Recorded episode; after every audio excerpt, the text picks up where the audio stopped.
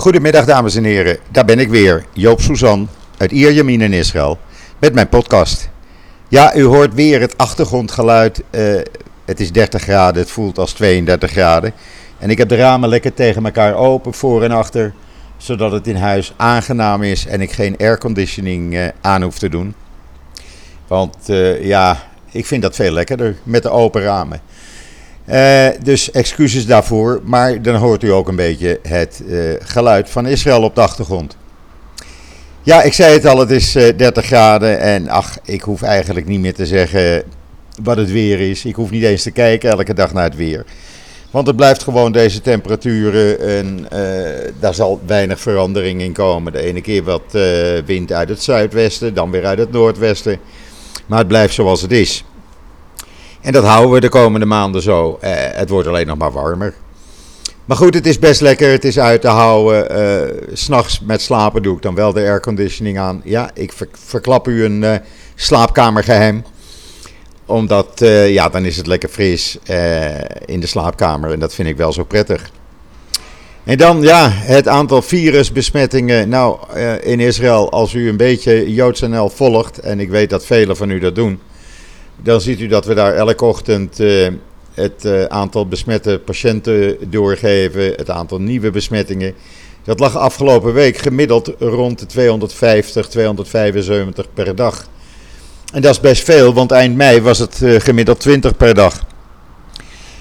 Ja, hoe dat komt, ja, het is niet zo moeilijk te raden. De economie is open, scholen zijn aan de gang, horeca is open. In Tel Aviv staan ze in de nachtclubs s'avonds schouder aan schouder. Ja, dan uh, krijg je vanzelf besmettingen natuurlijk. En of we dan in lockdown gaan, zoals uh, premier Netanyahu mee dreigde, nou vergeet dat maar, want dat gaat niet gebeuren. Het uh, zogenaamde coronakabinet is op dit moment wel bij elkaar om te kijken wat voor maatregelen er moeten worden getroffen. De enige maatregel die ze kunnen treffen is, en dat gaan ze ook doen, een strenger handhavingsbeleid op het dragen van uh, gezichtkapjes, mondkapjes op straat en in publieke ruimte. Uh, het houden van sociale afstand.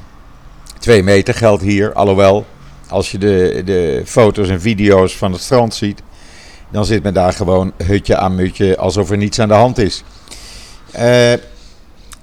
Wat kan er nog meer gedaan worden? Nou, men denkt erover en men is dat nu aan het doen in uh, Rahat en Arara, een andere Bedouinenplaats in de Negev. Daar heeft men wijken afgesloten. Ook in Jaffa, bij Tel Aviv, heeft men een wijk afgesloten. Uh, dat betekent dat de inwoners van die wijk uh, hun huizen niet uit mogen. Maximaal 100 meter. en men hoopt dus in die besmettingsgebieden het virus uh, terug te dringen. Ja, of dat allemaal werkt, uh, je ziet het overal. Ik lees ook in Duitsland, waar het aantal besmettingen weer toeneemt. In Amerika, nou, daar hoeven we helemaal niks over te zeggen. Uh, daar blijft het toenemen, helemaal nadat Trump afgelopen zaterdagavond had gezegd van... Weet je wat, we gaan minder testen, want dan hebben we ook minder nieuwe besmettingsgevallen. Ik denk dat hij naar, eh, naar Rutte geluisterd heeft of misschien met Rutte gebeld heeft. Want in Nederland werd er ook niet getest. Ja, dan heb je ook weinig nieuwe besmettingsgevallen natuurlijk per dag. Hier worden er per dag zo'n 15.000 getest. 15.000 tests gemiddeld elke dag. Men wil dat nog steeds verhogen naar 20.000 tot 30.000 uiteindelijk. Maar de capaciteit is er op dit moment niet voor. En dat betekent de menselijke capaciteit dus. En voor de rest zijn er allerlei uh, Israëlische uh, uh, instituten en, en universiteiten zijn bezig met het helpen van het vinden van een, een, een virus, of vaccin voor het virus, laat ik het zo zeggen. Het virus hebben ze al. Maar dat doen ze dus door allerlei testen.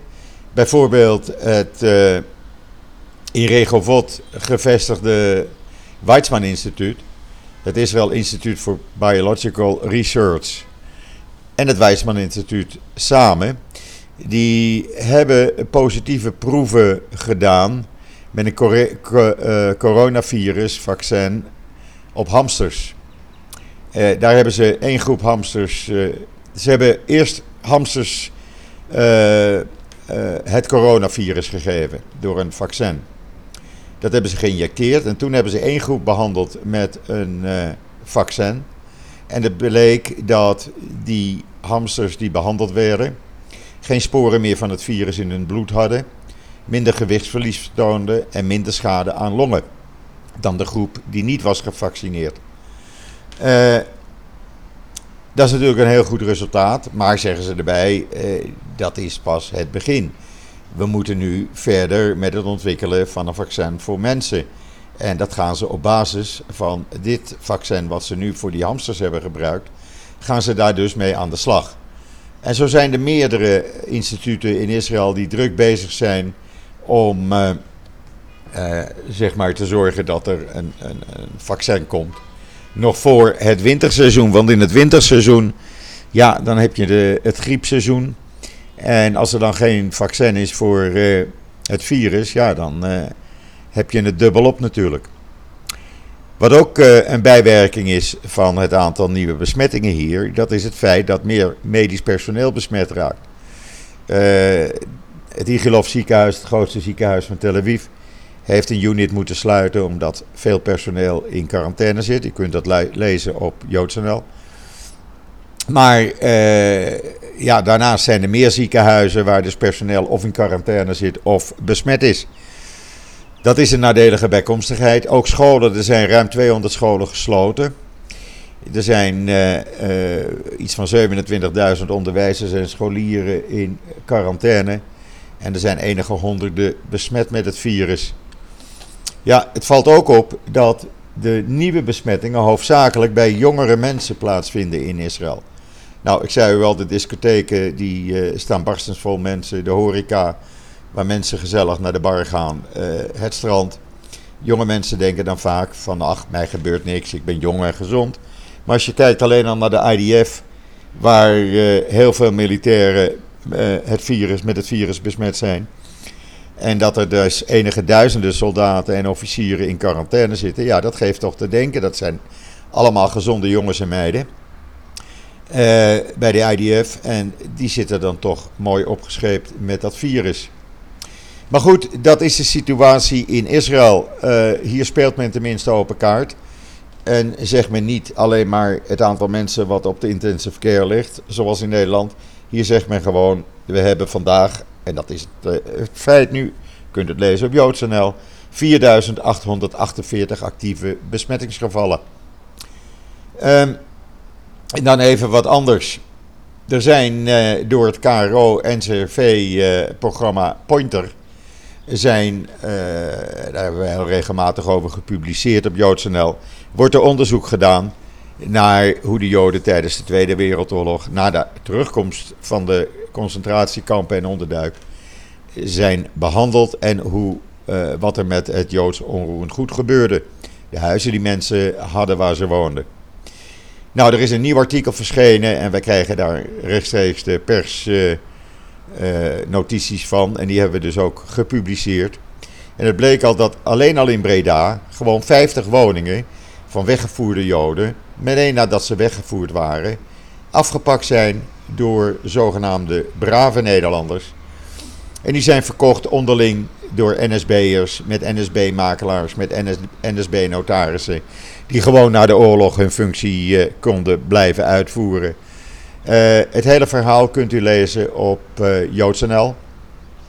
Want wij publiceren dat natuurlijk omdat ik kom daar weinig van tegen in de Nederlandse media. En de mensen van Pointer, Caro en CV hebben gezegd... jullie zijn een van de weinigen die daar gelukkig voor ons onze artikelen overnemen. Daarnaast is er vandaag een artikel verschenen op JoodsNL... dat in Rotterdam het eigen huishoudboekje belangrijker was voor de gemeente Rotterdam dan uh, compensatie aan Joden die uit de onderduik uh, of concentratiekampen terugkwamen. Dat waren er helaas niet zoveel. Maar het NIOD heeft onderzoek gehouden.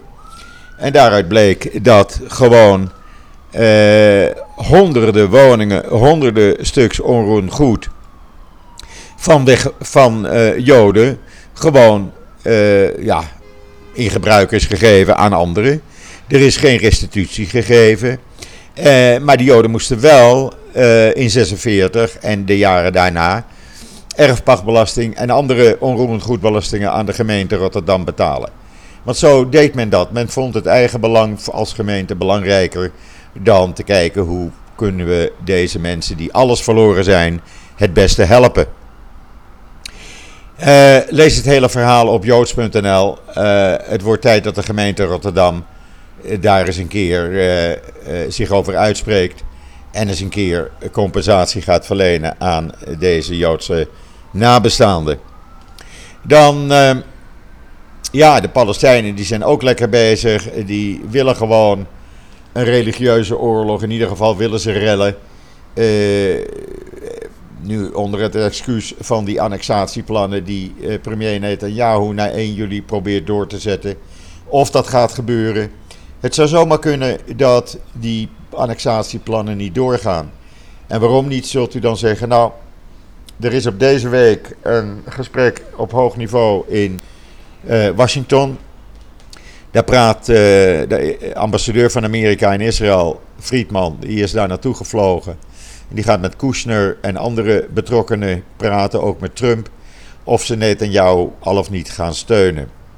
De enige reden dat uh, Netanyahu dit als speerpunt van zijn beleid heeft gemaakt, zo zegt men hier in Israël, het zijn niet mijn woorden, is gelegen in het feit dat hij zoveel mogelijk de aandacht van iedereen van zijn proces, zijn rechtszaak wegens corruptie wil afleiden. En liever uh, gaat annexeren met alle gevolgen van dien, dan de status quo handhaven totdat er een vredesakkoord ligt. Uh, en uh, op die manier de zaak regelt. Want het is vooruitlopend op de deal of the century, century de, het vredesplan van Trump en zijn assistenten. Dat zal geaccepteerd worden op een gegeven ogenblik. Want Abbas heeft ook niet het eeuwige leven. En de jongere generatie staat klaar en heeft veel meer vertrouwen onder de bevolking. De meerderheid van de Palestijnse bevolking gelooft Abbas niet eens meer, vertrouwt hem ook niet. En wil eigenlijk niets met hem te maken hebben. Even een slokje water, sorry. En het zou zomaar eens kunnen dat wanneer Trump uh, en consorten gaan zeggen: Nou, Netanyahu, doe dat nou maar even niet. Want wij willen geen rottigheid uh, in, de, in het Midden-Oosten hebben. Dan heeft Netanyahu een excuus om te zeggen: Ja, ik wil het wel, die annexatie. Maar uh, mijn vriend, mijn grote vriend Donald Trump, die heeft gezegd: Ik moet maar even wachten. dus dan ligt het niet aan hem, dan ligt het aan Trump om een stokje voor annexatie te plegen. 29% van de Israëli's trouwens steunt deze annexatieplannen. De rest ziet er op dit moment weinig in. Ook al omdat de Arabische landen, waar steeds betere uh, banden mee zijn. Uh, en dat er echt in de goede richting zich ontwikkelt, hebben gezegd, zoals de golfstaten, luister, als je dat gaat doen, net in jou, dan uh, ja, dan zetten wij alles stop en dan gaat het rode licht aan. Want dan willen wij voorlopig helemaal geen normalisering en uh, andere uh, zaken regelen richting diplomatieke betrekkingen met ons. is dat dan zo belangrijk? Ja, ik vind dat heel belangrijk, denk ik. En er zijn velen met mij hier in Israël die zeggen: ja, we leven nou eenmaal in deze regio, dus het is hartstikke belangrijk dat er een, uh, ja, goede banden zijn met die Arabische landen. We zullen zien hoe zich dat gaat ontwikkelen. In ieder geval, uh, er wordt over gesproken en later deze week zal er meer over bekend zijn. Ja, en dan zijn er vandaag uh, ook weer treinen gaan rijden in Israël. Dan zult u zeggen, ja, maar dat is er niks bijzonders. Nou, ik vind het wel. Want uh, die zijn drie maanden hebben ze stilgestaan. Er was drie maanden geen treinvervoer in Israël vanwege het virus. Maar dan heeft men nu iets opgevonden. U kunt het lezen, inclusief de website die er staat. Uh, hoe dat nu gaat in Israël als je een treinkaartje wil kopen. Nou, hoe gaat dat dan? Ik ga het heel simpel uitleggen. Je moet naar een website gaan. Dan moet je 48 uur van tevoren, bij voorkeur, je plaats reserveren. Met je naam en je e-mailadres, et. Dan heb je gereserveerd op de trein, laten we zeggen, van Tel Aviv naar Haifa. Dan ga je naar het station op de afgesproken datum en tijd. Daar word je dan, moet je je ID laten zien, je gegevens worden genoteerd, je telefoonnummer. Dan kan je een kaartje kopen met je openbaar vervoerkaart. De RAFKAF-kaart, zoals dat hier heet. Want cash wordt er bijna geen kaartje meer verkocht. Nou, dan kan je in de trein zitten. Daar zitten dan maximaal 500 mensen in, in plaats van 1000. Om zoveel mogelijk ruimte onderling te onderhouden. En dan moet je dus ook je mondkapje in de trein op blijven houden.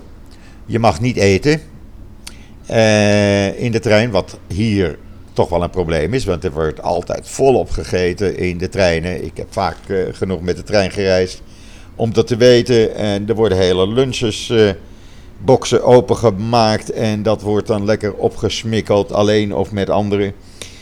En er is mij vaak genoeg ook door wildvreemde mensen aangeboden: van wil je ook een hapje of wil je ook een broodje?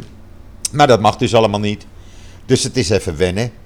En dan, uh, ja, op de stations mag je ook niet meer duwen. Je mag ook niet meer trekken om voor te gaan. Wat ook een Israëlische nationale sport is.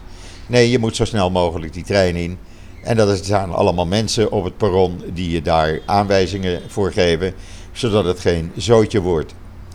Nou, er werd vanmorgen mondjesmaat gebruik gemaakt van de trein. Of dat uh, zo blijft. Wat ik aan het verkeer merk is dat iedereen weer volop met de auto aan het rijden is. Uh, en dat de files eigenlijk weer terug zijn in Israël. Alhoewel minder dan voorheen, want een groot gedeelte van de mensen, zo'n ruim 700.000, is nog steeds werkloos. En een groot gedeelte, men verwacht uiteindelijk 30% van de Israëli's zal thuis blijven werken en werkt op dit moment thuis. Want ja, dan hoef je, hoef je ook niet meer eh, in de file te staan natuurlijk. En eh, Startup Nation met alle computers en alle systemen die ze hier uitvinden. Ja, uh, thuiswerken is dan een eitje, zoals we in Amsterdam zeggen. En dan komen er uh, in de komende weken opnieuw vier nieuwe F-35's naar Israël. Uh, en dan heeft men er 27 in totaal van de zomer. Een van die toestellen is een experimenteel toestel. Wat wil dat zeggen? Dat Israëlische defensiebedrijven kunnen in die toestellen allerlei systemen inbouwen met toestemming van Lockheed. Om die uit te gaan testen. Uh, en dat zijn dan de nieuwste Israëlische systemen op het gebied van uh, verdediging van het toestel. het nog beter bestand maken tegen raketinslagen. allerlei computersystemen voor precisiebombardementen. En als dat een succes blijkt te zijn, dan wil Lockheed dat ook aan anderen gaan verkopen. En dan een mijlpaal voor het namenmonument in Amsterdam. Er is uh, afgelopen week de, de eerste paal geslagen, symbolisch, door mevrouw Halsema. Uh, en uh, ja, de, de bouw van het monument met 102.000 namen van de 102.000 door de nazi's vermoorde Joden ga, is dan uiteindelijk echt van start gegaan. Ondanks dat er nog een beroepskwestie loopt van een aantal omwonenden die dat allemaal maar niks vinden. Om uh, zoveel uh, of een, een groot monument ten nagedachtenis aan Joden in een buurt te hebben. Ja, dan zeg ik, dan had je maar niet in de voormalige Joodse buurt moeten gaan wonen.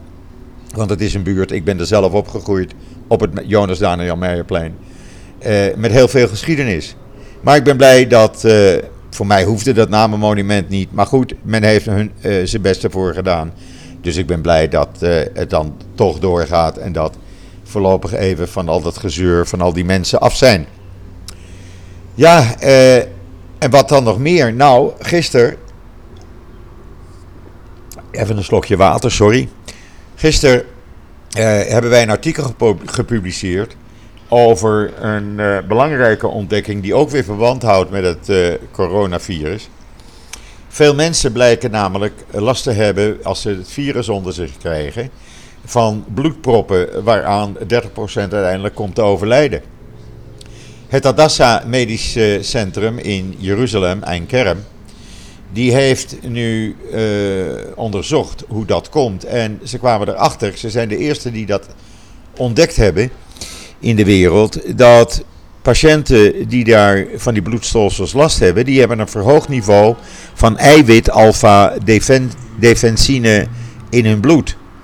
Uh, en die artsen in Hadassah ziekenhuis die hebben nu een manier gevonden om de oorzaak van die bloedproppen dus te behandelen voordat het te laat is, zodat er minder mensen aan, uh, aan het coronavirus door een bloedprop over, uh, overlijden.